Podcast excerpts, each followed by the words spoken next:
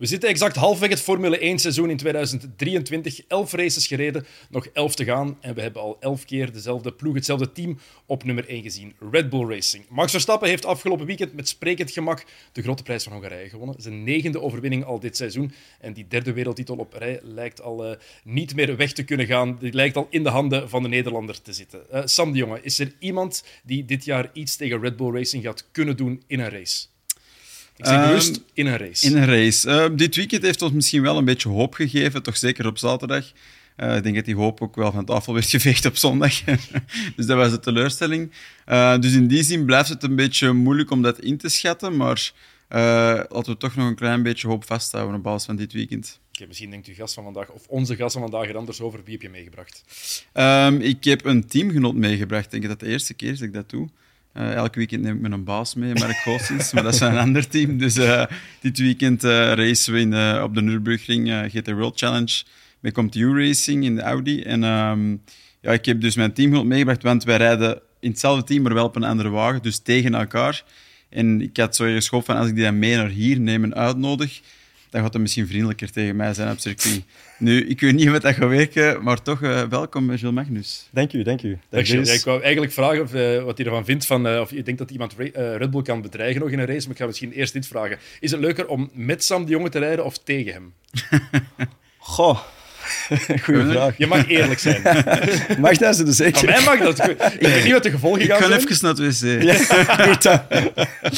Nee, nee, nee. blij hier te zitten. Dank je voor de uitnodiging. Uh, je mag de vraag antwoorden, hoor. Ja, nee, nee, ik ga die ontwijken. Ik ga die tactisch ontwijken. Nee, ik zie Sam inderdaad al veel te vaak, maar uh, ik kan het vandaag toch wel een uur volhouden. Oké, okay, heel goed. Uh, wat denk jij? Is er een team in staat om uh, Red Bull van nummer 1 te houden dit seizoen? Goh. Want zaterdag even negeren, puur op ja. zondag.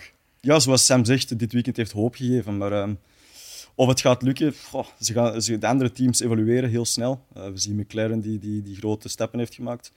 Um, dus ja, wie weet, einde van het seizoen misschien, maar het gaat te laat zijn om, om de titel uh, van Verstappen weg te houden. Maar... Je moet zelfs geen enkele race meer winnen, dan kan je nog altijd wereldkampioen worden. Exact. Uh, ja, het is wel geweldig voor de Nederlandse autosportliefhebbers, voor de Max Verstappen-fans, uh, maar je hoort en leest natuurlijk ook overal, het is een saai seizoen. Wat vinden jullie daarvan? Is het een saai seizoen? Um, volledig vooraan misschien. Maar ik vind dat het zeker in het middenveld uh, heel interessant is. Um, de teams zijn, allee, het zit toch veel dichterbij in dan de andere jaren bijvoorbeeld Q2 van, van deze Grand Prix, de, de kwalificatie Q2, zet het op team binnen dezelfde vier tienden. En dat laat toch wel zien dat, het, dat, ja. het, dat de nieuwe reglementen toch wel zorgen dat het uh, veel, veel dichter bij elkaar zit. En dat maakt het interessant. Ja, we moeten ons echt focussen op wat erachter gebeurt, want uh, Verstappen kan al over vijf grote prijzen, grote prijzen wereldkampioen worden. Ja, nu is zo de spanning van welke Grand Prix gaat hij wereldkampioen worden. Dat, dat, is wel erg. Ja, maar dat is zo de grootste spanning dat er is. Dus niet van wie wordt het, maar wanneer wordt het. Uh, en echt zo mensen dan zeggen, spijtig dat het niet in Nederland al kan. Dat, is zo. dat zou heel erg zijn, hè? Laten we blij zijn dat dat nog niet is. Maar...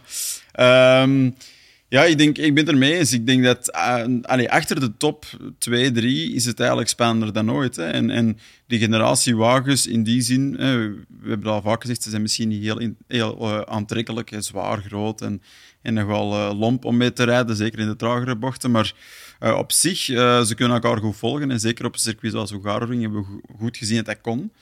Dus ik vind dat ook wel leuk, maar ik denk dat het wel logisch is als je naar sport kijkt, dat je kijkt om wie er wint. En als dat al ergens bepaald is op voorhand, dan, dan is de grootste spanning er toch wel af. Ja, wie 4, 5, 6, 7, 8 wordt, is tof voor Drive to Survive. Exact. de rest denk je daar te weinig aan. Tenzij dat je natuurlijk fan bent van een bepaald team. Um, Red Bull heeft, er, heeft de geschiedenis geschreven. Het is heel duidelijk. 12 overwinningen op rij, uh, officieel. Op rij? Echt? Uh, is dat op rij? Dennis, op rij, of? zo wordt, wordt het gezegd. Uh, als je de laatste grote prijs van vorig seizoen meetelt, het record van McLaren met 11 overwinningen op rij tot meer dan 30 jaar met Senna en Prost. Hoeveel is zo'n record waard? voor jullie? Goh, um, dat is natuurlijk niet alleen afhankelijk van de rijder. Dat is ook het team die dat een auto moet, moet, moet bieden die dat uh, consistent is en die daar geen uh, technische failures heeft. Maar um, ik denk, als rijder heeft dat nu niet zo heel veel waarde, eerlijk gezegd. Zo denk ik erover. Misschien wel voor, voor iemand als Max Verstappen die daar tien overwinningen van binnenhaalt. Dan betekent dat misschien meer. Goh, ja, en toch denk ik dat het jaar voordien voor hem spannender was. Hè. Ik Zeker. bedoel, toen als hij tegen Hamilton moest strijden en dan veel minder wint, maar uiteindelijk wereldkampioen wordt, dan denk ik dat, dat hij dat toch ook wel hoger inschat. Ik denk ook dat Max Verstappen iemand is die veel liever op die manier Ja. strijdt voor een overwinning, in de plaats van iedereen naar huis te rijden en twaalf keer op rij te winnen. Dus, uh, Ja. Is 12 op rij ook niet een beetje bullshit? Eigenlijk wel. Voilà, daar is wilde ik naartoe. Ja, sorry, maar We hebben er al veel over gehad dit vorig, weekend, maar- seizoen, vorig jaar, die overwinning, laatste grote prijs van, van dat seizoen, was vorig jaar. Hm. Met een andere wagen. Het is toch niet omdat het hetzelfde team is dat dat moet meetellen voor die reeks? Of zie je dat zo verkeerd? Nee, helemaal akkoord. Nee, maar ook omdat ze dan zeggen van ze hebben nu een McLaren gesurpassed die in, acht- in 1988 dat record hebben gevestigd. met In één elf- jaar. In één jaar. Dat, maar dat, dat klopt dan toch niet om te zeggen dat ze dat hebben gesurpassed. Dat, is, dat komt dan waarschijnlijk nog dit jaar. Maar ook toen deden ze, denk ik, 16 Grand Prix en nu zijn er 23. Ja, ik vind dat gewoon nooit een eerlijke vergelijking. Ik, ik ben ook sowieso niet echt iemand dat van die vergelijkingen houdt of van die statistieken. Wat maakt dat uit? We leven in deze tijd. Dat was toen. Er was toen veel beter dan nu in deze tijd. En dat is hoe de wereld geëvolueerd is. Dus, ja. Als ze nu volgend weekend in Spa winnen, dan zijn het er voor- in mijn ogen 12 op een rij. Als je kijkt, naar een, voet- als je kijkt naar een voetbalploeg, als Man City nu ineens 10 matchen op rij wint, ga je dan die laatste match van vorig seizoen ook nog meetellen. Niet, het is een andere ploeg, hè? Ik vind dat jij een boze brief moet schrijven. Een eh, gele briefkaart. ja, Ehm, hadden er terwijl ook over, daar straks nog even, Sam. Ehm, in de kwalificatie is Red Bull wel iets minder dominant. Dat is dan wel opvallend. Op zondag is het vingers in de neus, maar op zaterdag zien we toch iets anders. Ja, dat klopt. En, maar dat is op zich al, altijd wel, eh, toch dit seizoen consistent geweest. Hè. Ze, ze zijn, denk ik, één keer Baku was, denk ik, Leclerc. Ehm, er is nog een ander moment, denk ik, dat ze de Pool niet hebben gehad. En dan dit weekend. Hè, Dit was de tweede keer dit jaar. Oh, dit weekend, Ja. Dus het was twee keer al dit seizoen. Maar op zich, dat, dat, dat is eigenlijk wel iets dat we al hebben gezien doorheen het jaar. Dat ze, ze hebben moeilijkheden met hun banden op te warmen, zeker de voorkant van de auto. En dat is op die ene ronde gewoon cruciaal eh, om de piek eruit te halen. En in die zin is dat geen verrassing. Ehm, wat misschien wel een verrassing was, is dat, denk ik, zowel Verstappen als het team misschien de setup niet 100% hadden gekregen. En dat ze ja, gewoon een klein beetje misten in quali. Eh, hetgeen dat, dat Verstappen meestal kan goedmaken eh met gewoon rijden. En dat is denk ik wel nieuw voor dit weekend. Want dat vond ik heel opvallend. Op vrijdag en zaterdag is Verstappen aan het klagen dat het niet meer normaal is. Hè. Geen Mm. goed gevoel in de wagen, de setup is niet goed, geen enkel goed gevoel gevonden. En zondag was het eh, raket, was het plezier om mee te rijden. Hoe kan het zo snel, zo snel switchen? Een goede vraag. Ehm dat zullen we Verstappen moeten vragen, want ik kan er niet op antwoorden. Maar is het zo gemakkelijk om een setup van een wagen op in één nacht te veranderen? Het Om, om, om zo'n goed gevoel te krijgen van Mm. ik voel me oncomfortabel in de wagen naar het is een plezier om mee te rijden. Dat is wel een gigantisch verschil. Hè? Ja, maar je rijdt wel met twee andere auto's in die zin dat je met een volle auto rijdt en met een lege auto rijdt qua fuel. Ehm, en en op, in de ene, ene situatie rijden met een band om er op één ronde de pieken te halen en, en daarna de, hey, in de race een stint om het te doen. Dus dat, dat is wel echt helemaal anders. En dat is misschien, ik denk dat Gilles dat ook goed weet, van, dat is zo'n ander gevoel als piloot. En soms werkt het, e- het ene wel en het andere niet, of andersom. En ik denk dat bij Red Bull is dus de, er- ergens de trend van in quali nee, want ze krijgen die band niet perfect warm. Maar dat geeft u natuurlijk het gigantische voordeel in de race, dat die band niet heel warm wordt en dus weinig verbruikt. Ja, ja, mooie analyse. Ja, Ehm, Dus- de rest, dat is wel interessant. Of interessanter, zeker. zoals jullie ja. het zeiden. Ehm, Absoluut. we zullen eerst de McLaren erbij halen. Opnieuw een tweede plaats, opnieuw een podium. Is McLaren echt terug? Goh, ehm, ik denk het wel. Ehm, naast het feit dat ze een super competitieve auto nu hebben, hebben ze ook gewoon de sterkste driver line-up. In mijn ogen dan toch. Eh, ik denk Norris en, en Piastri, in mijn ogen zijn de twee, misschien wel de twee beste piloten. Oké, Verstappen is uiteraard. eh, is Is die- uiteraard vind je dat een sterker duo dan Hamilton en Russell? Toch wel. Ik denk, in mijn ogen is dat het sterkste duo op, eh, op de grid. Oké, waarom? Ik weet niet of dat jullie er akkoord mee Ja, zijn. maar zeg maar, waarom vind je Ehm, dat? ik ken beide rijders ook van, van in de karting. Ehm, Ja, want je hebt nog tegen, zowel tegen Norris als Eh, Piastri Norris heb ik niet tegengereden, Piastri wel. Ja. Ehm, maar Norris, Norris was altijd het jongetje die dat, eh, op 12-jarige leeftijd een derogatie aanvroeg om tussen de jongens van 14 en 18 te mogen rijden. die dat toen maar een meter 20 was en toch alles domineerde. Nog altijd. Voilà. Meter 20. maar eh, die toen al alles domineerde. Dus, du- dus van kleins af aan kijkt iedereen daar al naar op. En had hij altijd al iets extra. Dus Norris heb ik altijd al, al groot ingeschat. En het feit dat Piastri van zijn eerste seizoen Norris al kan evenaren, laat zien hoeveel klasse Piastri heeft. Eh, Norris heeft, heeft altijd zijn Mm. ploegmaats ook eh, eh, in Frengelen van één gereden. Ja, Heeft Ricciardo doen twijfelen dat hij wel talent heeft. Eh, dus Ah, dus ik, ik, schat, ik schat ze beide heel hoog in. Ja. Je hebt tegen Piastri gereden in de karting. Wat maakt Piastri zo'n goede rijder? Eh, Piastri is misschien, misschien, ja, misschien, als ik het zo mag verwoorden, een licht autistisch jongetje. Iemand die heel gefocust is. Eh, minder interessant als Norris eh, mediagewijs, omdat hij een beetje minder het, het, het leuke karakter heeft eh, eh, voor, voor de camera's dan toch. Maar eh, ja, dat maakt dat hij, dat hij heel geobsedeerd is en, en, en ik denk alle, alle kleine detailtjes gaat uitzoeken. En uiteindelijk is dat wat hij, wat hij het verschil maakt tussen iemand goed en iemand heel goed. Is dat te braaf? Want dat is wat Mark Goossens ook bij ons in de studio zei afgelopen weekend, dat hij misschien toch nog net iets te braaf is op de baan. Ja, ze zit ook in de positie om, om, om, om niet braaf te zijn, zeg maar. Ik denk het niet. Het is Nee. het eerste seizoen. eh. Ik vind dat ook. Ik denk dat we niet te scherp mogen zijn op dat vlak Allee, voor hem. Ik vind net dat hij... Zo komt het toch over, en ik denk dat dat misschien aansluit bij wat Chill zegt, is dat hij... Die gaat heel gepland te werk, stap voor stap. Hij is gewoon voor zichzelf een checklist aan het afwerken. En hij heeft in Silverstone al kunnen proeven van hoe het is om vooraan te staan. Ehm, om bijna dat podium te halen. Dat is nu weer bijna gelukt. Maar ja, er is eigenlijk geen haast. Hè. Ik bedoel, bij Norris is, er wel haast. Die, die zit al, al seizoenen te wachten op die kans. En bij Piastri, bedoel, die kan ergens... Ik vind het ook gezond, die kan ergens nog fouten maken in de schaduw van, van wat Norris nu aan het doen is. Als je kijkt naar dat duel met Perez bijvoorbeeld gisteren, had hij daar meer zijn ellebogen moeten gebruiken? Had hij daar wat... Ik, ik denk dat hij ook de analyse maakt van hoeveel sneller is Perez, hoe lang is de race nog, heeft het zin om, eh, om je risico te nemen om, om er samen af te gaan. Ik denk, ik denk dat dat hem zo sterk maakt. Dat, eh, dat is ook het type piloot dat een kampioenschap wint. Eh, een piloot die op die manier denkt. En als buitenstaander is het natuurlijk minder interessant om naar te kijken, want Ja, die duels zijn, zijn, zijn een beetje saaier, maar met die mindset en, en, en met die zelfcontrole op die jonge leeftijd, wat ik eigenlijk heel knap vind. Ik ben grote fan van dat type rijders die, dat, die dat eerder die analyse gaan maken in de plaats van... Het is ook plezant, hè? een Verstappen die dat, die dat zegt, nee, hij komt er niet voorbij en die denkt niet na over het feit dat het nog twintig rondes zijn. Eh, misschien houdt hem er wel achter, maar de kans dat je er samen afgaat, zit er dan ook wel in. En als team is dat misschien ook net interessanter dat je zo'n rijder hebt. Ja, ik denk als team zeker gaat het om data. Je wilt zoveel mogelijk rijden en zo lang mogelijk rijden op elke fase van die band. Die wordt slechter, die auto wordt lichter. Dat wilde weten. Zeker als je in een fase zoals McLaren zit, van eigenlijk performance te hebben unlocked, maar nog niet exact misschien te weten waarom. Is dat cruciaal dat je dan zelfs, als je een jonge piloot hebt zoals Piastri, is het net heel gemakkelijk inderdaad, zoals Gilles zegt, om iemand te hebben die ja, een rode waas voor de ogen krijgt en dan van alle stomme dingen doen. Want laten we het eens omdraaien. Stel nu dat, we, dat hij heel agressief was geweest en, en Perez had geraakt. Dan was hij afgebrand geweest. 100% zeker. Arrogant, eh, eerste seizoen, hij moet zijn plek in in het veld. En als iemand dat dan wel kent, dan vind ik dat we hem net ergens er credit voor moeten, voor moeten geven. Dus, ehm, en misschien ook wel een belangrijk detail. eh, zijn, zijn, zeker zijn laatste stint was niet heel snel. eh, of niet heel goed. Zijn eerste stint was eigenlijk heel goed van Piastri. Waardoor we dachten, dat wordt hier een 2 en 3 voor McLaren.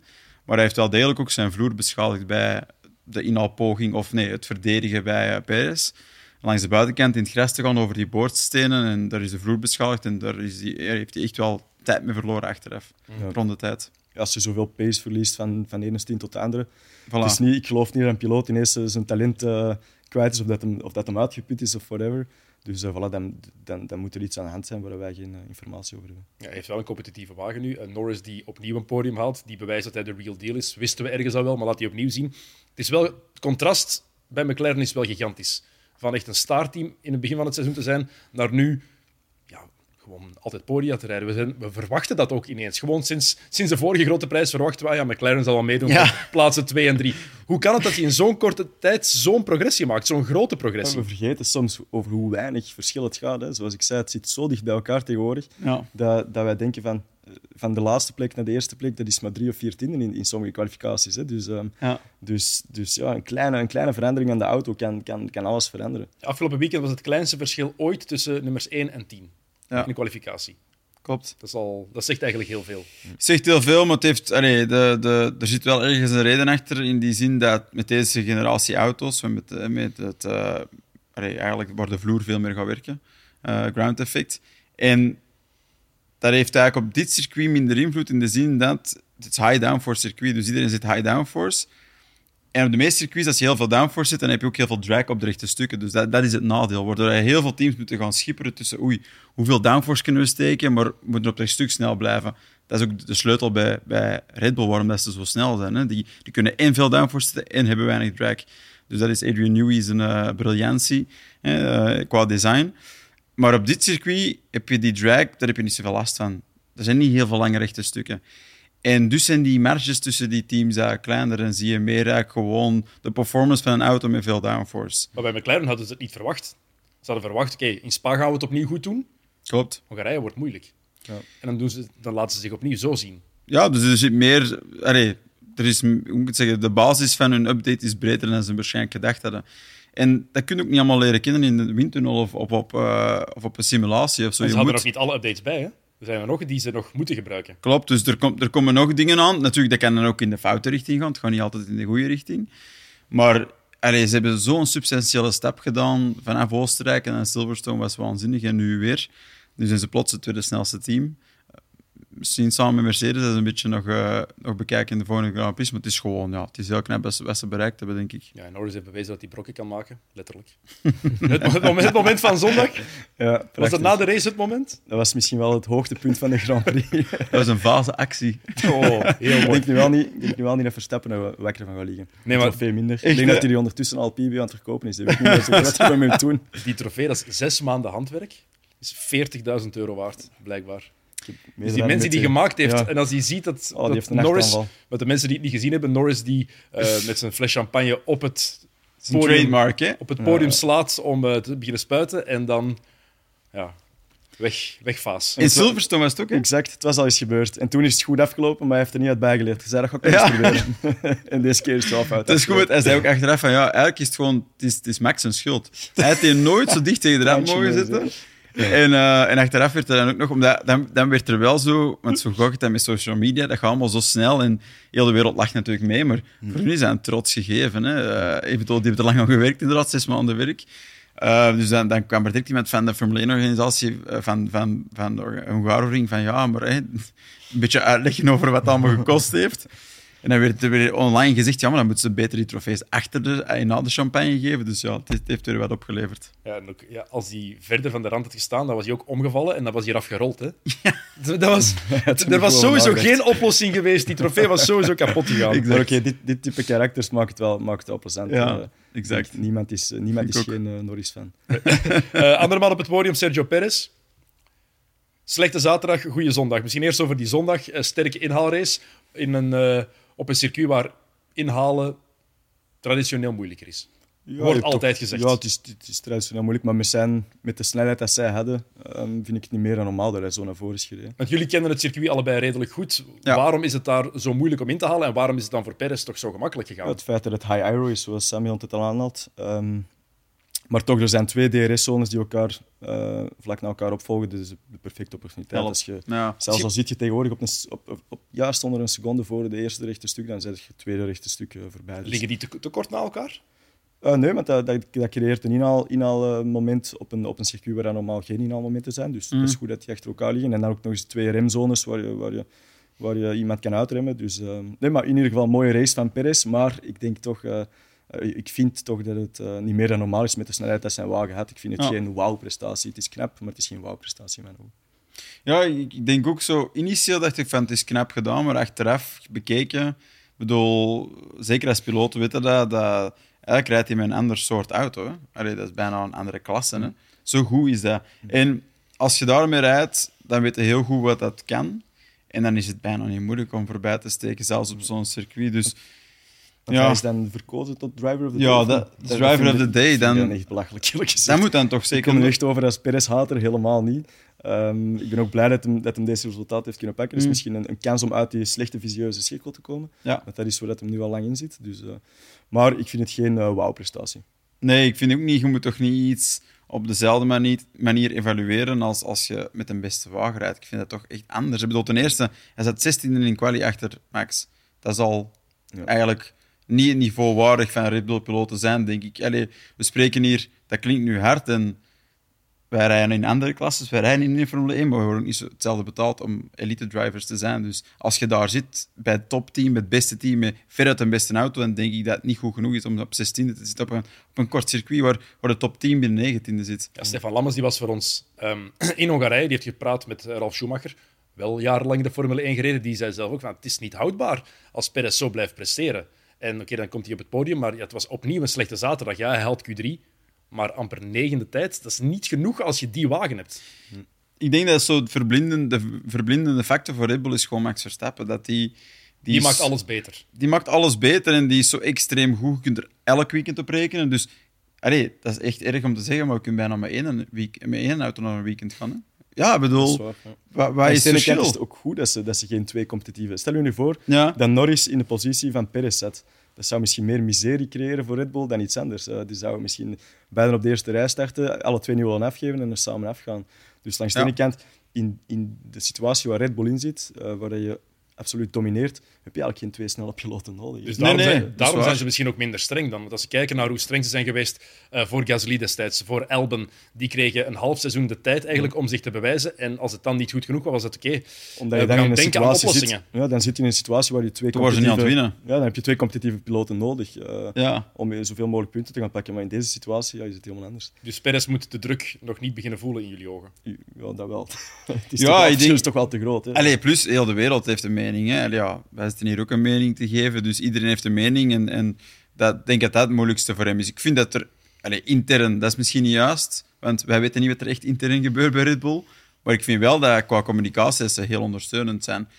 Zeker in vergelijking met vorige Red Bull-protégés. Daar zijn ze, waar ze knoerhard voor. Kijk nu naar De Vries bijvoorbeeld, hetzelfde. Uh, maar voor, ja, voor Perez zijn ze eigenlijk bijna lief. Ja. Dus heeft dat toch iets te maken misschien met de Zuid-Amerikaanse markt uh, van Red Bull? Uh, ik weet het niet, maar er is toch een reden waarom dat ze zo, zo lief voor hem blijven. Ja, Daniel Ricciardo wordt nu wel meer en meer genoemd natuurlijk. Ricciardo heeft het zitje van De Vries overgenomen uh, bij AlphaTauri, daar zo meteen over. Maar ja. moet Perez daar stress voor beginnen krijgen? Want Christian Horner heeft gezegd van ja, Ricciardo gaat vechten voor het plekje in 2025. Gaat het wachten zijn tot 2025? Maar hoe oud is Ricciardo ondertussen eigenlijk? Ook een goede vraag. Goeie vraag, ik zal eens kijken. Opzoeken. ja, maar allez, los daarvan, gaan ze die zo lang bij Alpha Tauri houden? dat, dat, lijkt me toch echt vreemd. Is er 34? Ja, dat lijkt me toch raar. Alles kan, hè. Ik bedoel, ja. Alonso bewijst het ook dat dat kan. En, en hij moet dan ook nog om dat niveau te zitten, maar... Ik weet het niet. Ik als, weet als, Horner, als Horner nu zegt hij gaat in 2025 um, willen en mogen meeknokken voor het plekje, waarom zouden ze dat al niet overwegen in de winter van 2023 tot voor uh, en begin van 2024? Ik denk dat ze op die manier geven ze ergens een reden aan waarom ze hem bij de Alfa Tauri zitten, waarom ze hem laten rijden. Van oké, kijk, want we hebben misschien het oog op. Langs de andere kant kalmeren ze de, de, de situatie voor Perez een beetje. Hè.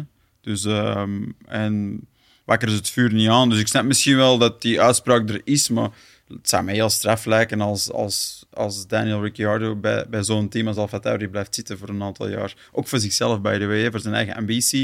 Ik denk als hij zou nu gaan voelen dat, hij, dat hem het goed doet en de rest van het jaar goed doet, en Tsunoda kan blijven kloppen, dan wil hij ook gewoon ergens naartoe. En... Als, als Ricciardo naast Verstappen zit, is de vraag: kan Ricciardo accepteren dat een tweede piloot is? Want als je iemand naast ja. Verstappen zit, dan, dan moet je iemand hebben dat kan accepteren dat een tweede piloot is. hij heeft toch geen andere keuze?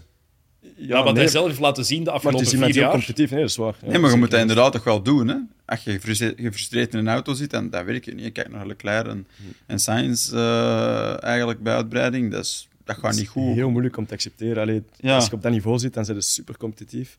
Um, dat is heel moeilijk, vraag maar aan Sam, om te accepteren dat je tweede piloot ah, dat is mooi. dat is een binnentrapper. Ik zal het compliment aan Frederik Vervis doorgeven. um, is het een goede keuze van Alfa Tauri om uh, Daniel Ricciardo in die wagen te zetten?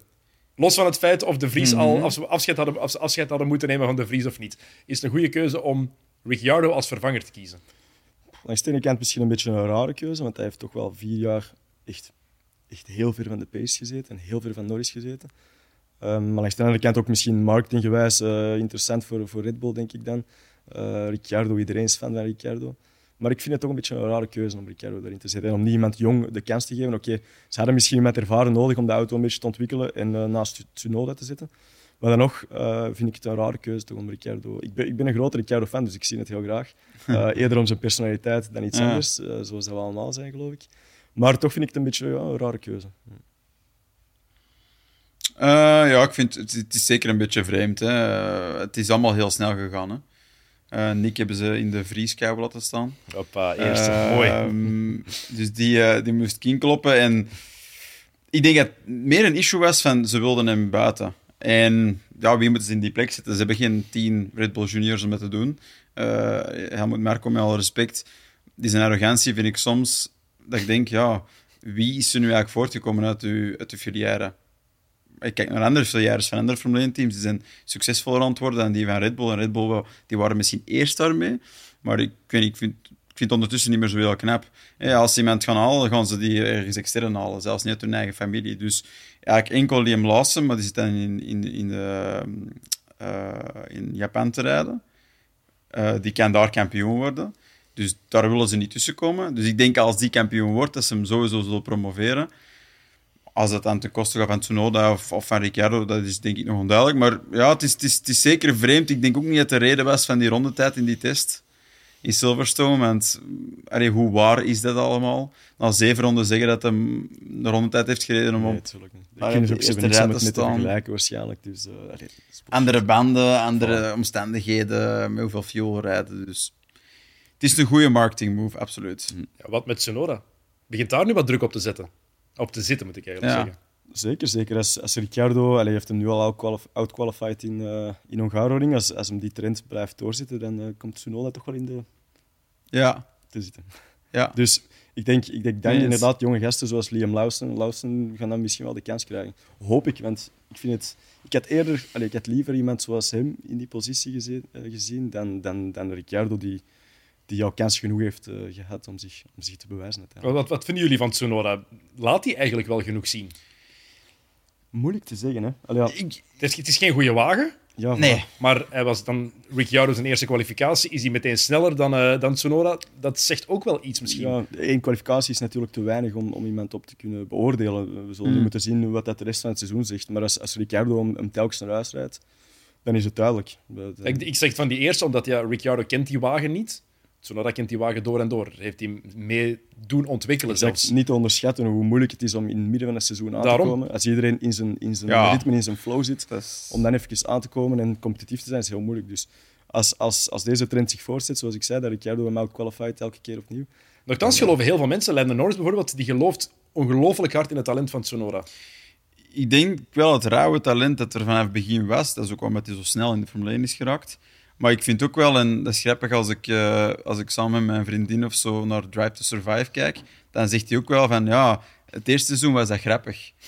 Ja, bedoel, weet je, die kwam toe en die wilde niet sporten en die had nog nooit iets van sport zelf gedaan, wou niet op zijn eten letten. En, maar na een tijd wordt dat niet meer zo grappig. Allee, na een tijd is dat onprofessioneel eigenlijk gewoon.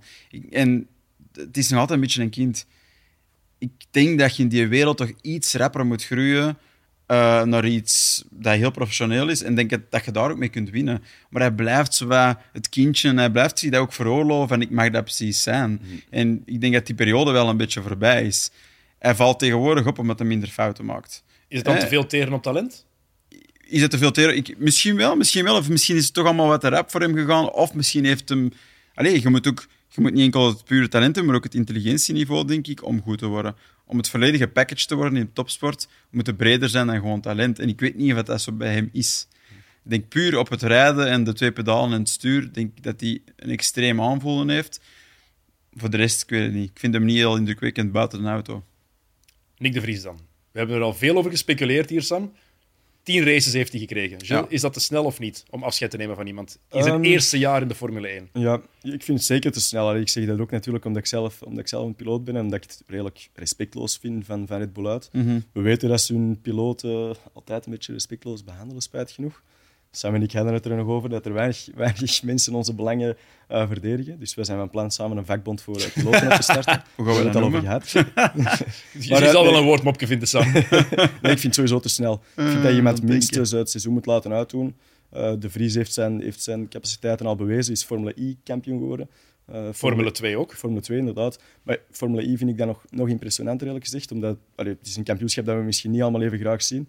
Maar ehm, het, het niveau qua rijders is, is misschien wel nergens eh, hoger als, als daar. Ja, klopt. Dus ehm, het, het feit dat hij daar kampioen is kunnen rijden, naast Stoffen van Doorn trouwens, in dezelfde auto, Ja. eh, is heel knap. Ehm, dus ik, ik schat hem heel hoog in en ik vind het spijtig dat hij, dat hij, dat hij niet meer kansen heeft gekregen dan dat. Langs de andere kant, hij, hij was wel echt niet competitief. Eh, op een gegeven moment moet je de, de knoop doorhakken, maar ik vind het toch te vroeg. Ik, vind, ik, ik had hem sowieso het seizoen laten uitrijden. Maar ja, En als, en als ze niet het volledige seizoen doen, vind ik het raar dat je niet wacht tot aan de zomerstop. Dan heb je een maand. Nu is het effectief gedaan. Een week later moet Ricciardo al in die wagen zitten. Als je dan een maand hebt, dan kan je het ook... Dan is het denk ik ook gemakkelijker. PR-gewijs is het gemakkelijker om het aan te pakken. Ja, maar zat, zat dat momentum van die entire test voor Ricciardo er al lang in. Snapte van, hebben ze daar... Blijft een marketingbedrijf, hè? Ik bedoel, het is energiedrank en het is geen constructeur, dus daar zijn ze extreem goed in. Is dat, dat momentum is wel wat opgebouwd naar die test toe.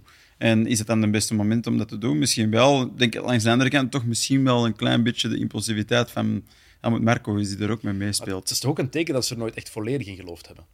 Nee, nee maar, maar dat is ook niet, want ze hebben hem ook gewoon gecontracteerd op basis van één race. Hè? Ja. En als, als, je, als je hem dat gevoel geeft, dan ga je, dan ga je als piloot nooit competitief zijn. Als je, als je, als je, Nee, als je dat vertrouwen niet krijgt, eh, dan, dan is het heel moeilijk om competitief te zijn. Dus ik vind dat ze, ze, hebben, een beetje, ze hebben hem een beetje verbrand. Ehm, Ja. En dat is heel spijtig voor Nick de Vries, want het is iemand met heel veel potentieel. En wat nu? En dat moet mentaal ook heel zwaar zijn voor die jongen nu om mij. Dat denk ik ook. Hij heeft ook gezegd dat hij nu een break gaat nemen ehm, Van van, sociale media en van, van, van de autosport. Maar wat nu? Hij is 28 jaar. Wat gaat hij nu in zijn carrière doen? Goh. Heeft talent genoeg, zoals je zegt, maar waar gaat hij terecht kunnen? Ik denk dat hij moet proberen om, te gaan, eh, om het te gaan verzilveren dat hij Formule 1-piloot is geweest. Hm. En dat hebben we bij, bij Stoffel ook gezien. Hè. Ik bedoel, die, die is ook heel goed. En die heeft daarop kunnen teren. Eh, ook al waren dat twee echt slechte jaren, maar dat lag niet echt aan hem. Dus, en mensen weten dat ook. Dus het is toch wel, als je, als je Grand Prix hebt gereden, dan is de kans om ergens bovenaan het lijstje te staan, eh, om een goed programma te rijden, is toch wel heel hoog. En daarnaast ook het feit dat hij zo'n palmarès heeft, kan hij altijd wel Ja, voilà, had hij trouwens al. Dus Voilà. ja, Die kan sowieso wel ergens terecht en heel deftig zijn brood verdienen. Maar zal hem, daar, zal hem daar content mee zijn? Uiteraard Ja. niet. eh. Maar het moet frustrerend zijn. Hè? Je, Tuurlijk, dat is een jongensdroom. tuurlijk, We werken is, zo lang voor en eindelijk op je 28ste krijg je die kans. Dat is ook Ja. niet... Nee, nee, nee. Dat is echt is laat eigenlijk. gegeven, is En zes maanden later, eh, zeven maanden later is het gedaan. Ja, heel moeilijk. Harde sport. Harde sport. En daarom dat het contrast bij Red Bull dat ik het zo groot vind met wat er met Perez gebeurt. Ja, Die ook elke keer ondermaats blijft. En ik weet het, het zijn allemaal jullie hebben de verzachtende omstandigheden, de omzachtende, eh, verzachtende factoren al genoemd, maar ik vind het contrast te groot. Hoe ze met sommige gasten omgaan en met anderen dan weer niet. Hm. Ja, is Evaluatie is zeker niet, niet op, eh, op hetzelfde niveau. Hè. Eh, maar ik denk dat wij dat in, in de autosport inderdaad wel gewoon zijn dat er niet altijd e- eerlijk geëvalueerd wordt. Ja, je moet echt alle factoren moeten kloppen, snap je? Ik bedoel, wanneer je een goede prestatie doet, moet de juiste persoon dat zien. Wanneer je een slechte prestatie doet, hoop je dat de juiste persoon dat niet ziet. Eh snap je? Dat- Maar dat is echt zo. En dat is waar. dat is soms heel moeilijk als je rijdt om ehm, met dat strategisch spel ook bezig te zijn. Maar dat is wel nodig. Tenzij dat je een manager hebt die dat helemaal voor je doet. Maar er zijn er weinig onder ons die dat hebben, eh, de juiste manager. Dus ja, dat is, dat is niet makkelijk om uit een auto te klimmen en dan te beginnen nadenken, puur van buiten, wat was mijn prestatie? Naar wie moet ik stappen om dat te zeggen? Eh, en dat is op alle niveaus in de autosport wel een beetje het geval. Eh, waar nooit echt aan getwijfeld wordt en terecht is Lewis Hamilton. Eh klasse Ja. te over, weten we allemaal. En heeft hij zaterdag nog eens laten zien. Want Machtige ronde, hè? wat hij daar laat zien, 3000ste sneller dan, dan Max Verstappen, dat is niks. Maar dat is tegen deze Red Bull wel een fantastische prestatie. Ja, en de manier waarop ook. Alleen al in Q1, eh, dat beseft misschien niet iedereen, maar de situatie dat hij daarin zet, eh, beide, beide Mercedes'en trouwens, Ja. dat ze één rondje hebben. Track limits is een grote factor op dat circuit. Eh, maar je moet toch wel pushen, want de rondetijden begonnen echt snel te zijn. Het zat allemaal heel dicht bij elkaar. Alleen daar al, al, al was het, was het meesterklasse om, om, om dan door te stoten. Het lijkt, het lijkt maar een heel kleine overwinning, hè, maar het was knap. Russell komt er dan niet door. En dan ja, met 3000ste op pole staan is, is ongelooflijk. Dat- dat nochtans is- niet het perfecte rondje gereden. Als je kijkt, een paar keer moeten corrigeren en toch Ja. nog sneller zijn. Ja. Dat maakt het nog knapper misschien. Ja, het wil ook niet altijd zeggen omdat er kleine correcties tussen zitten dat het, eh, dat het eh, een, een- geen goed rondje was. Eh, dat is moeilijk te beoordelen. Mm. Maar ja, pff, prachtig om te zien. Want veel mensen begonnen te twijfelen aan, aan Lewis Hamilton. En dit laat toch wel zien dat hem zijn zeven wereldtitels, dat hem die niet ergens gratis heeft gekregen. Dat is ook, ja, die, die mens is ook een evidentie geworden. Hè? Ja. Dat, is Ja. nor- norm- dat is normaal. Dat is een beetje zoals LeBron James in basketbal. Dus die gaat al zo lang mee, van 2007. Die is er altijd en is ook altijd Ja. aan de top. Zelfs met een slechtere wagen. Ik denk dat mensen zo denken dat het dan elk jaar makkelijker wordt, terwijl eigenlijk wordt het moeilijker, want je wordt ouder en je wordt minder relevant en er zijn jongere piloten die je bedreigen. En Die motivatie blijven vinden. ja, dat blijven vinden, want allee, bedoel, die mens heeft zoveel geld verdiend en moet dat voor niemand nog doen. Maar hij blijft dat wel doen. En een stuk voor zichzelf, om, om, om zichzelf telkens terug uit, heruit te vinden en te bieden, dat vind ik toch wel grote sportmannen. En ik vind ook bij Hamilton, en dat, dat hebben we in de vorige jaren ook gezien, die maakt altijd het beste uit de slechte situatie. Er zijn periodes waarin hij dat niet doet, maar dat heeft dan met zijn motivatie te maken. In het begin van het seizoen was een voort van de auto is er toch niet zoals vorig jaar. Dat is de, e- het enige minpuntje van hem waar hij onder kan leiden, is denk ik te weinig motivatie. Maar als hij wel in die zone zit, dan is die gewoon uitmuntend goed. Hè. Die maakt geen fouten, nergens. Pit entries, pit stops, alles is zo afgemeten. Ik vind het altijd leuk om, om onboard mee te rijden met hem. Om, eh, alles is, klopt gewoon. En, en rijdt dan eens met iemand anders mee. Leclerc, Sainz, die maken wel fouten. Hè? En die zitten soms in betere auto's. Dus dat vind ik toch wel, Ja, dat vind ik indrukwekkend aan hem. En die reactie na die, die polepositie vond ik eigenlijk nog... Dat maakte het nog mooier. Die blijdschap was zo oprecht, zo, zo, zo echt... Soms zijn de reacties bij, bij Verstappen is het ja, vanzelfsprekend geworden, elke Ah, reactie. de ja. zoveelste keer. eh, Ja, het was ja, ik, vind dat, ik vind dat vreselijk om naar, om naar te luisteren, die reacties van Verstappen na de race en na, na is een eh, vreselijk. kwalificatie. Dat is zo, ja, we hebben weer, we hebben weer gewoon maat. Je hebt, je hebt een polepositie. Dat is, dat is niet dat is de zomaar Dat is iets. wel hè. normaal de. Hè. Goed, ik ken nog eentje. Nee, het Maar is maar het is normaal de langs de 100 ene kant. op Oké, den maar het is duur. de 104e uit de carrière van Hamilton. Ja, En omdat het geleden was van begot eind 2021, dat is nog niet zo lang geleden. Hè? dat is waar. Dat het nog geen twee jaar geleden was, zei van het voelde als de eerste keer. Dat zegt toch alles over hoe belangrijk dat voor zo'n mens toch is. Zeker en vast. ja. Maar winnen is ook verslavend. En, eh, of het goed is verslavend. En ik denk dat, dat je dat daarom zwaar mist. Omdat je weet hoe... Dat is de enige manier om ook in, in je leven super gelukkig te zijn, is eigenlijk dat te kunnen presteren. En als je dat niet meer presteert anderhalf jaar, dan is het toch niet zo gemakkelijk, denk ik. Was de gemiste kans voor hem op zondag? Want hij start dan op de pole en wordt meteen gepasseerd door drie wagens. Ik Ja. denk niet dat hij ooit een kans heeft gehad. ik denk ook wel dat hij het besefte dat, dat zaterdag het moment was voor hun om, eh, om iets te laten zien, maar dat ze op zondag nooit eh, voor de algemene overwinning konden meestrijden. Althans heeft hij zich wel meteen verontschuldigd bij het team, na die start. Onmiddellijk. Ja, natuurlijk. Ik denk dat je, als je binnen de eerste 100 meter drie plekken verliest, is dat, is dat nooit positief. En dan is dat niet banden of auto, dan is dat letterlijk gewoon... Ja, kan, kan opwarmingsfase zijn richting de grid, dat kan zo zijn. Slecht van je plek komen, maar dan is het waarschijnlijk toch eh, de eerste meters geweest. Met, Ja, met, kleine foutjes mee, met, met keuzes. eh, Ja. Hij zat een beetje langs de buitenkant en voilà. Dat maakt hem ook wel menselijk. Hè? Allee, ik bedoel, eh, op zaterdag het top doen en, en, en zelfs als, als zevenvoudig wereldkampioen dan misschien toch wel wat zenuwen hebben grid. En dat vind ik toch wel, dat is op zich niet zo erg. Eh, ik denk inderdaad dat Mercedes die pace niet echt had om, hij ze hadden nooit de pace om te winnen, duidelijk. Als je naar Norris kijkt en de eindfase tegen Perez, denk ik wel, goh, zou, zou Mercedes daar hebben tussen kunnen zitten? Misschien wel met undertrack position, dat, dat kan wel. Maar dat gaan we niet weten. Ehm, George Russell, wat moet die gedacht hebben zaterdag? Toen hij zijn bed inkroop, na die kwalificatie. Ja, dat moet Zijn- moeilijk zijn. Wie heeft er nog zakdoeken? Dat is heel dubbel. Maar Toch nog iets eruit persen vandaag. Ik zit mij hier maar in te houden. Ik heb soms van die dingen die ik wil zeggen, maar ik denk het niet zeggen. Moeten Dus niet ik- nou Hier mag dat, hè? We gaan nu de laatste 20 minuten niet worden dat kan. Go. Die heeft dan, zijn ploegmaat staat op één. Ja, maar En hij overleeft dingetjes. Q1 niet. Nee, het zit in kleine dingen. Ze, ze zaten Ook alle dubbelzinnig. twee... nee, maar ze zaten alle twee in een situatie waar, dat ze, waar dat ze niet door gingen stoten naar Q2 en ze hadden alle twee nog één ronde. Eh, dan is Russell in de, de unlucky situatie waarbij hij traffic heeft eh, in, in sector 3, geloof ik. Ja, Eh, ook wel het fout van het team dat ze hem een beetje op de foute positie hebben uitgestuurd. En voilà, dan, dan zit de weekend erop. En Hamilton is dan kunnen doorstoten. Misschien als het omgekeerd was, misschien als Russell had kunnen doorstoten en, en Hamilton niet, stond Russell misschien op pole. Who knows? Ik denk het niet eerlijk gezegd, maar oké. ja, ja Maar, maar, maar dan zat hij misschien wel in de top 5. Eh, sowieso, dat denk ik ook. het zit hem in klein dingen Maar- soms. We hebben het erover gehad hè, tijdens de uitzending. Wie, wie moet daar nu verantwoordelijkheid in pakken? Mijn mening is een beetje, als je kijkt naar andere autosporttakken, dat Formule 1-piloten te, soms te luxueus behandeld worden. Dat ligt niet per se aan hun, dat is meer zo hoe de cultuur is gegaan van die sport. Maar dat die heel weinig zelf beslissen. Russell zou toch even goed daar in de derde sector kunnen zien van als ik mij nu nog laat passeren door vier auto's, dan ben ik zeker geschuurd, wetende dat je, dat je eh, bandentemperatuur Ja, want het einde van Q1 is er die, is er die file eigenlijk. En Norris gaat als enige, neemt hij zelf het initiatief om vier wagens voorbij te gaan. Ja, Piastri ziet dat, die volgt meteen. Die, die, die reageert daarop. ja. En Russell, die wacht. Ja, Ziet. hij is een beetje te braaf geweest, simpelweg. Hè. Dat is eh, normaal gezien, hij had het ook in een interview gezegd, denk ik, dat dat normaal gezien een gentleman agreement is, dat je dat niet doet. Ehm, maar uh, dat topsport, het hè? vizier dicht is, eh, dan, interesseert een gentleman agreement Nee. niemand. Ehm, dus ja, hij is gewoon te braaf geweest en dat heeft hem eh, zijn weekend gekost, simpel. Ja. Zondag was het nogthans wel oké. Tenminste, meer dan oké. Twaalf plaatsen gestegen. Grootste eh, stijger, zeker. Ja, hè, denk ik. grootste stijger. Ja, Is Niet slecht, hè? Zeker en vast. ik denk dat dat niet slecht is, dat klopt. Eh, hoe eh, belangrijk is die alternative tire allocation geweest? Het experiment dat ze voor het eerst hebben gedaan tijdens de kwalificaties, eh, tijdens dat- het hele weekend eigenlijk. Ik denk dat het wel enigszins een impact heeft gehad. Ik weet niet of het een impact heeft gehad voor Paul. Hè, ik denk dat wat we hebben gezien bij, bij Red Bull, wat we in het begin hebben besproken, van die banden die niet heel snel warm worden en Mercedes wel. En Hamilton die gewoon uitzonderlijk goede ronde rijdt en Verstappen misschien een beetje onder zijn niveau presteert op zaterdag. Dat dat, dat, dat eigenlijk dat heeft bepaald. Maar ik denk, ik vind persoonlijk wel, wel een leuk gegeven, want het heeft weer invloed op de vrije trainingen, hè, die al jaren hetzelfde lopen en Formule 1-teams zijn erop voorbereid.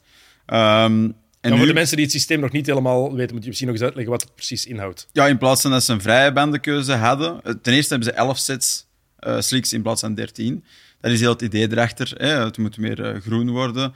Sustainability, dat staat op één.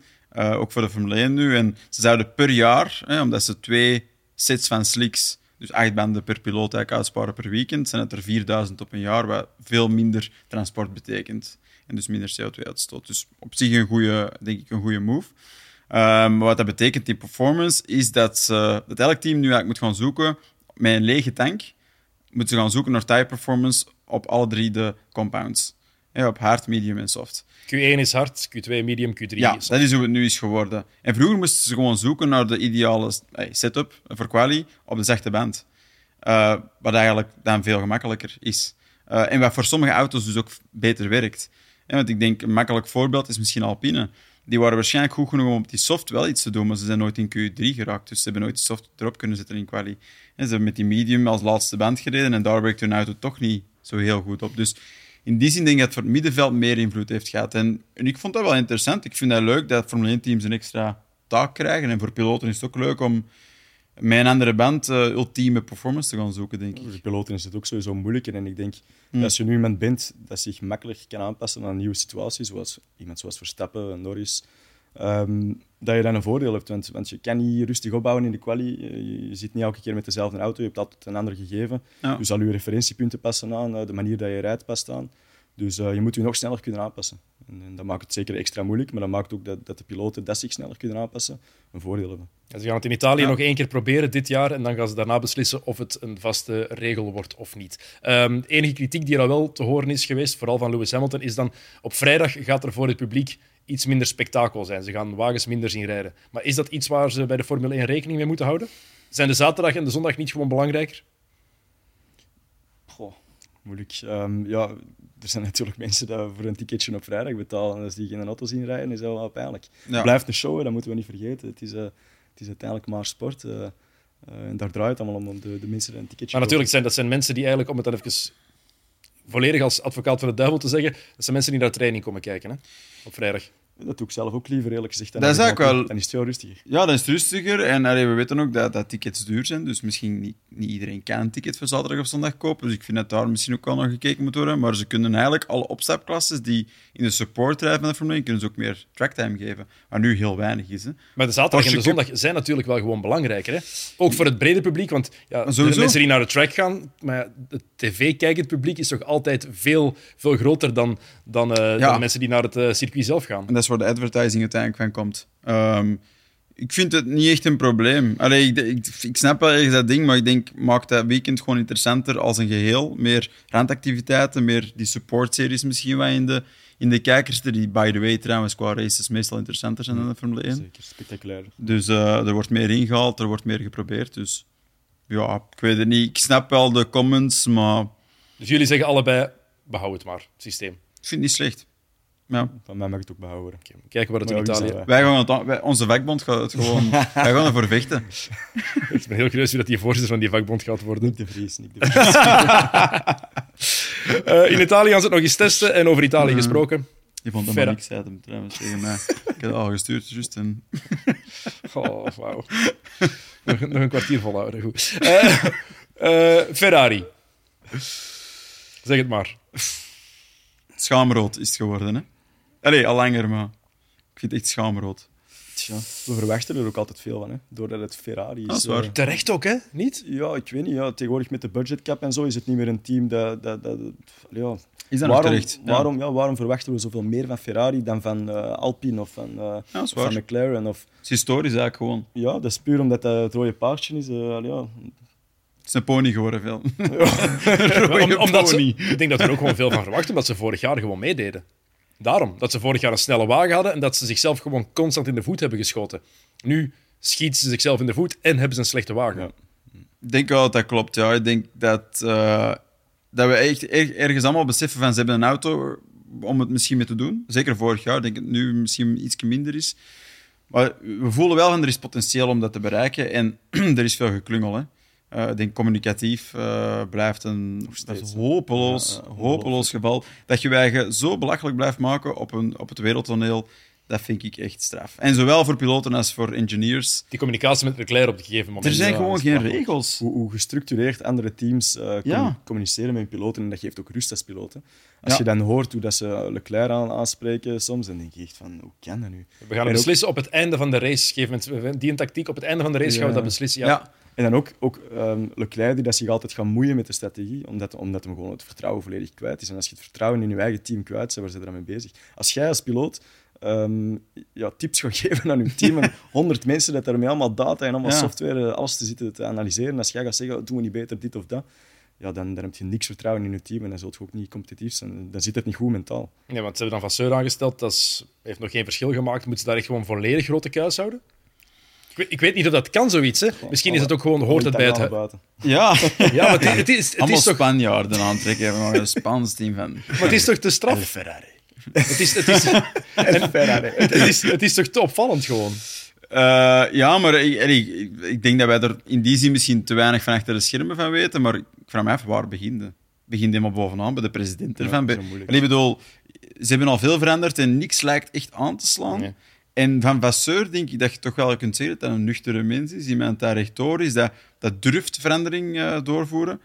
En als dat bij hem niet lukt, dan denk ik van, goh, ofwel is dat zo'n oud apparaat dat niet aan te passen valt, ofwel moet er hogerop, nog hogerop iets gebeuren. Want Of het neemt gewoon veel meer tijd in beslag Ja, dan dat wij denken. dat kan ook. eh, hoe, hoe lang is Frit van Zeur al? Van begin, begin dit seizoen. Dus Ja. op zich, voilà, dat is nog niet zo lang.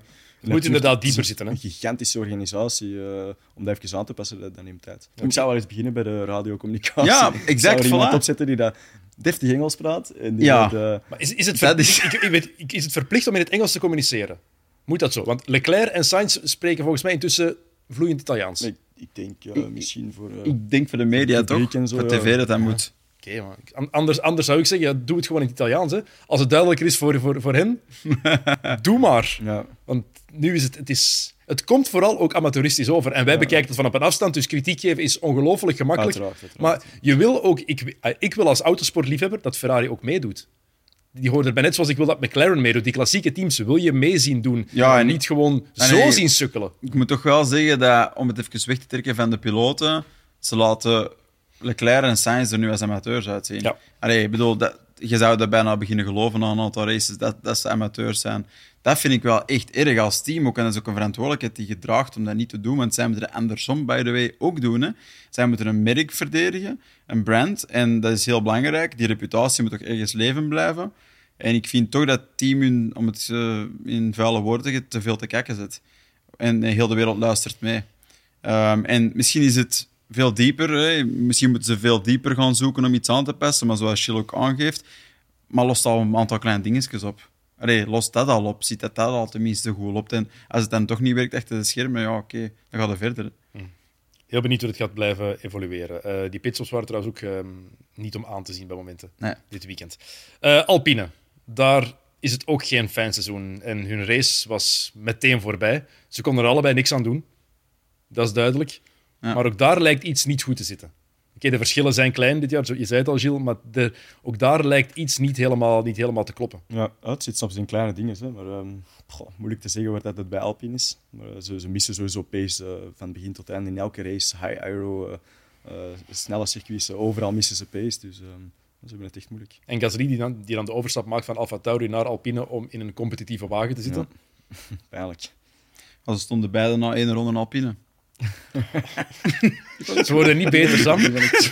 Nee, ik vond hem goed. De maandag wordt niet beter. Goh, het is een moeilijke maandag het vandaag sowieso al. Maar het gaat bergaf, maar Alpine, hè, dat wou ik ook zeggen. Zie, dat is een goeie. Dat vind ik goed. Dat had ik vorige keer al gehad, maar toch. Ehm, ja, eh, on a serious note. Het is, ehm, het, is, het is pijnlijk, want nu heeft eh, de Ottomar, de teambaas, die heeft dan ook aangegeven, ik heb het vertrouwen gekregen om eh 100 races, hè, ik heb 100 races als, als vertrouwensdingen gekregen om, om het een winnend team te maken. En we zitten nu aan 30. Dus, hè, kijk naar andere teams, hoe lang is er over gedaan? Ja. Maar oké, Alpine komt natuurlijk voort uit Renault. En Renault heeft al een aantal keer in de Formule 1 deelgenomen en dan terug weggegaan en teruggekomen. Dus ik En vind weer een die- rebranding. ja, en die En, rebranding, ik vind die 100 races, het is nog altijd hetzelfde team. Ehm, en ik denk wat er meer achter zit, is dat ze heel vaak te weinig geld durven investeren. En Alpine wil zo net goed, eh, die willen goed genoeg zijn met net te weinig uit te geven. En dat werkt niet. En dat werkt niet, want die andere teams die, die hebben en een goede simulator, en die hebben een goede aero-afdeling, en een goede motorenafdeling. En alles is daar op punt. En die weten allemaal dat je om extra te, te of hoe moet ik het zeggen, om extra te presteren, moet je extra inzet tonen. En dat je dat daar te weinig in de cultuur zit. Ik wil het hele verhaal achter de, de beslissing eh, van Piastri om niet bij Alpine te blijven en naar McLaren te gaan. Ik wil echt zo graag eens weten wat er allemaal echt gezegd en gebeurd is. Want ik denk dat er in die gesprekken Er moet meer gebeurd zijn. Die hè? moet zoveel meer motivatie en ehm, ambitie gevoeld Ja. hebben bij McLaren dan bij, dan bij Alpine. Ja, dat denk ik ook. Het was op dat moment niet, eh, niet de meest voor de hand liggende keuze. Daarom. Ehm, Nee, nu iedereen- achteraf gezien eh, mogen we blij zijn voor Piastri dat hij bij McLaren zit en niet bij Alpine. Ja, ik denk dat dat nog in Drive to Survive is van good luck to Oscar at McLaren. Ja, dat is ook wel ja. Ja, dat is eh, heel niet pijnlijk. goed verouderd, dat stukje. Gaan we nog eens bovenal. Eh, Alfa Romeo, die hadden een geweldige zaterdag. Nummers 5 en 7. Jo op de vijfde plek gekwalificeerd, Bottas op 7. En dan is er die start. Wat gebeurt daar eigenlijk met Jo Guan Yu? Goh. Want het is een wagen die... Hij parkeert die gewoon. ja, ja, slechte start. Waarschijnlijk eh, driver-related. Dat weten we natuurlijk niet. Er kan Nee. technisch iets aan de hand zijn, maar hoogstwaarschijnlijk driver-related. Dus gewoon een, eh, een fout. En dan wil hij het goed maken waarschijnlijk door iets te laten willen remmen. Dat is de typische fout. Eh, als je een slechte start neemt en je denkt van oh, ik moet dat hier goed maken, eh, dan ga je nog later proberen remmen. Net iets te laat, raakt hij van voor hem. En een klein foutje, die, die twee meter te laat, zorgt er dan voor dat de twee Alpines eh, uitvallen. Want als we het hebben over relevantie... Alfa Romeo is ook zo'n team dat totaal het irrelevant is, gewo- is gewoon. Niet is geworden, maar gewoon, gewoon is. Ja, ik denk dat ze de, de snelheid van de ontwikkeling van andere teams niet hebben kunnen volgen. En waarom dat dan is, dat is, dat is een goede vraag. hè. Is dat ook eh, intern een, verouderd, eh, een verouderde cultuur? Eh, ik weet het niet, maar zijn ze niet up-to-date met hoe dat ze dingen moeten ontwikkelen? Ze hebben allemaal op zich hetzelfde budget door die budgetcap. hè. Dus dan maakt het eigenlijk interessant om zo te zoeken van ah, waar ligt dat dan? Optimaliseert elk, elk team het budget. Ja, ze gebruiken het allemaal dat geld. Zitten ze allemaal aan het Maar ja. maximum dat ze mogen. Op welke manier? Hè? En natuurlijk, als je een fabriek zit, eh, dat is natuurlijk niet mee in de budgetcap eh, gestoken. Dus in die zin, je kunt wel, Ja. ik denk wel dat ze daar niet hetzelfde hebben als bij de topteams om mee te werken. Maar daardoor is, het wel moeilijk, daardoor is het wel moeilijk om, om bijvoorbeeld het talent van een Joe effectief te kunnen, te kunnen inschatten. We hebben gezien wat hij in de opstapklassen heeft gedaan. Maar wat, wat, voor, wat voor piloot is dat? Wat voor rijder is dat? Als je dat vergelijkt met het Tsunoda bijvoorbeeld, waar we het daar net over hadden, daar Ja. komt toch wel wat, begint toch wel wat druk op te komen. Ja, ik ga weer heel hard zijn en dat is heel makkelijk in deze positie. Maar um, Quan Yu Zhou, ik heb die in, in, de, in de, inderdaad de opstapklasses gezien. En in mijn ogen niet iemand die een plekje in de, in de Formule 1 eh, verdient. Ehm, maar voilà, hij doet het toch niet slecht. Hij was wel vijfde voor Bottas. eh, dus op een of andere manier is die toch competitief. Maar dan dit soort kleine foutjes, eh, dat, dat is, dat is spijtig. Er zijn genoeg andere jonge namen waar je van zegt, van, die zou ik liever een kans zien krijgen. Ja, en ik denk zeker zijn nationaliteit heeft meegespeeld met het feit, allee, dat, is geen, dat weet iedereen, Ja. eh, dat hij dat hij daar is geraakt. Ehm, het is niet puur op talent. Maar ehm, ja, hij, heeft toch, hij heeft mij nog niet overtuigd. Maar ik denk dat het zelfs de eerste keer is dat we het effectief over Alfa hebben. In, in Ja, dit zijn- seizoen. ze Het is, het de elfde aflevering. Desondanks dat ze toch, allee, zoals je zei, vijfde en zevende op de grid. eh Ja. Ze laten toch iets zien. Maar- En Bottas is toch een paar keer eh, in de kwalificatie ook. eh, Ja, dat is waar. eh, Een paar keer dat hij bovenaan heeft gestaan. Dat ik dacht van waar komt hij? Maar op- in de race doen ze heel vaak niks. Denk ik dat dat zo het probleem is, dat dat dan uithoofd tegen dat wij hier op maandag zitten en erover moeten praten. Maar ehm, ik denk bij, bij Joe, ik denk dat hij tot nu toe gemiddeld of iets boven gemiddeld goed presteerde voor een rookie. Mm. Of, voor, of voor een tweedejaars rookie dan. Ehm, maar dan krijgt Tweedejaars rookie, dat is Ja. mooi. die krijgt dan nu een kans. Allee, hij krijgt een kans. Hij dwingt een kans af. Dat heeft hij helemaal zelf gedaan met een goede quali. En die start dan ergens eh, vooraan. En dan denk je, nu gaan we hem kunnen evalueren. Hoe het is om vooraan op in het veld van de Formule 1 te zitten. Dat is heel spijtig. Zoals Gilles ook zegt, dat is heel spijtig. Dat je, Dat, soort Dat dan kansen- verknalt? Dat soort kansen krijg je ja, vaak. allee, dat is ook het moeilijkste moment. Hè. Ja, er is het meeste druk, dus het is het gemakkelijkste om, om een fout te maken. Maar Ja. dat is wanneer dat Piastri bijvoorbeeld... Hè, die krijgt een kans om vooraan te zitten in Silverstone en die doet het. Maar dat is in elke sport ook zo. Vanaf dat je het als in elke topsport, hè, als je die kans krijgt, moet je die grijpen. Ja, dat is het moeilijkste moment, hè? Zeker in onze sport krijg je die kans misschien één of twee keer op een jaar dat je in die Ja. positie zit. Zeker, zeker als, je, als je met een Alfa Romeo op de grid staat. Ehm, en ja, het is dan heel spijtig dat je op dat moment inderdaad een fout begaan. En zoals je zegt, eh, iemand zoals Piastri, die dat dan veel cooler is qua, qua, qua temperament en qua, qua manier van doen, die, die zou op, op zo'n moment denk ik nooit zo'n fout begaan. Dat is ook het verschil tussen de toppers en de gewoon goede rijders. Exact. Want ja, kan, kan rijden. Hè. Ja, zeker en vast. Ja, zeker op een ronde ook eigenlijk snel en vaak sneller dan Bottas, wat toch knap is. Maar ja, spijtig. Maar dat zijn de momenten dat je je kunt onderscheiden, inderdaad. Klopt. Volgende week, grote prijs van eh Spa-Francorchamps. Vrijdag, zaterdag en zondag, want het is een sprintrace. Dus het worden drie interessante dagen. Wat verwachten jullie daarvan? Wij zijn er niet bij in ieder geval. Inderdaad. Jullie zijn die vakbond aan het oprichten dan. Ja, ja, ja. ja, ja. We zijn in een of ander oud gebouw met weinig huur en wat toch veel geld proberen vragen. Maar wat verwachten jullie? Wat wordt dat voor, eh, voor iets? Goh, ja, Spice. Ik voel heel veel enthousiasme. Ja. Echt, goh. Hoogdag voor het Belgische autosport. Ja. Nee, ja, ik denk dat eh, met de 24 uur Spa was de hoogdag. Hè. Voor ons wel. Eh, wel. voor ons, nee, nee dat, ik denk dat dat de mooiere race is van de twee. Inderdaad, Spice is altijd eh, een Maar- interessante race. Het is altijd plezant om naar te kijken. Prachtig circuit, hè. Spice is inderdaad een van de leukste circuits op de kalender. Dus eh, Is het goed dat ze daar een sprintrace van hebben gemaakt? ja, misschien wel. Ik denk dat ook. Eh, iets langer weekend in Spa, liever dan ergens anders. Ja, ik denk ook omdat Spa is, is een, een echt performance circuit. Ehm, ook als rijder. Ik bedoel, er zijn weinig circuits die je zoveel voldoening geven, denk ik, als je echt snel eh, een rondje rijdt. Ehm, en als je naar een sprintrace ziet, daar hebben ze toch nog allemaal iets meer de intentie om, om dat half uur eh, echt helemaal te benutten.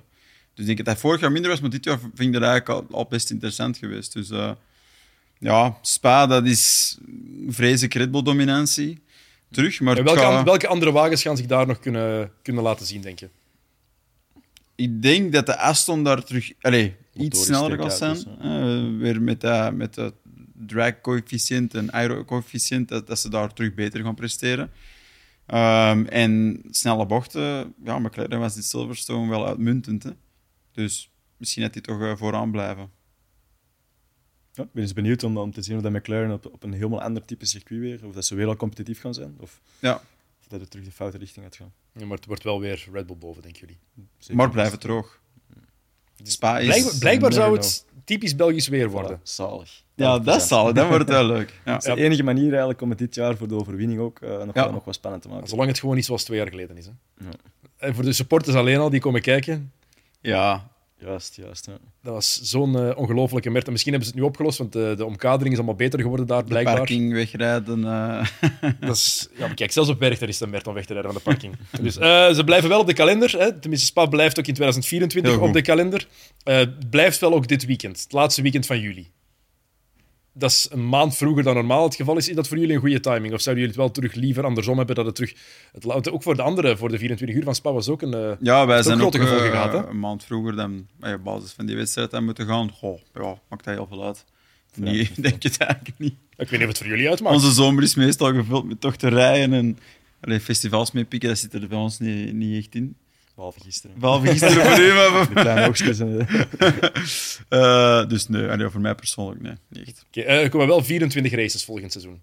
Dus dit jaar zijn het er uiteindelijk 22 geworden, Ja. omdat die van Emilia-Romagna is geschrapt door het noodweer. Volgend jaar gaan ze naar 24. ik denk toch dat we wel wat piloten in onze vakbond van kunnen krijgen. Want Ja, het is ik zo- denk het ook. Die moeten hoe langer hoe meer werken. Eh, het zijn ook langere weekends met die sprints en zo erbij. Ja.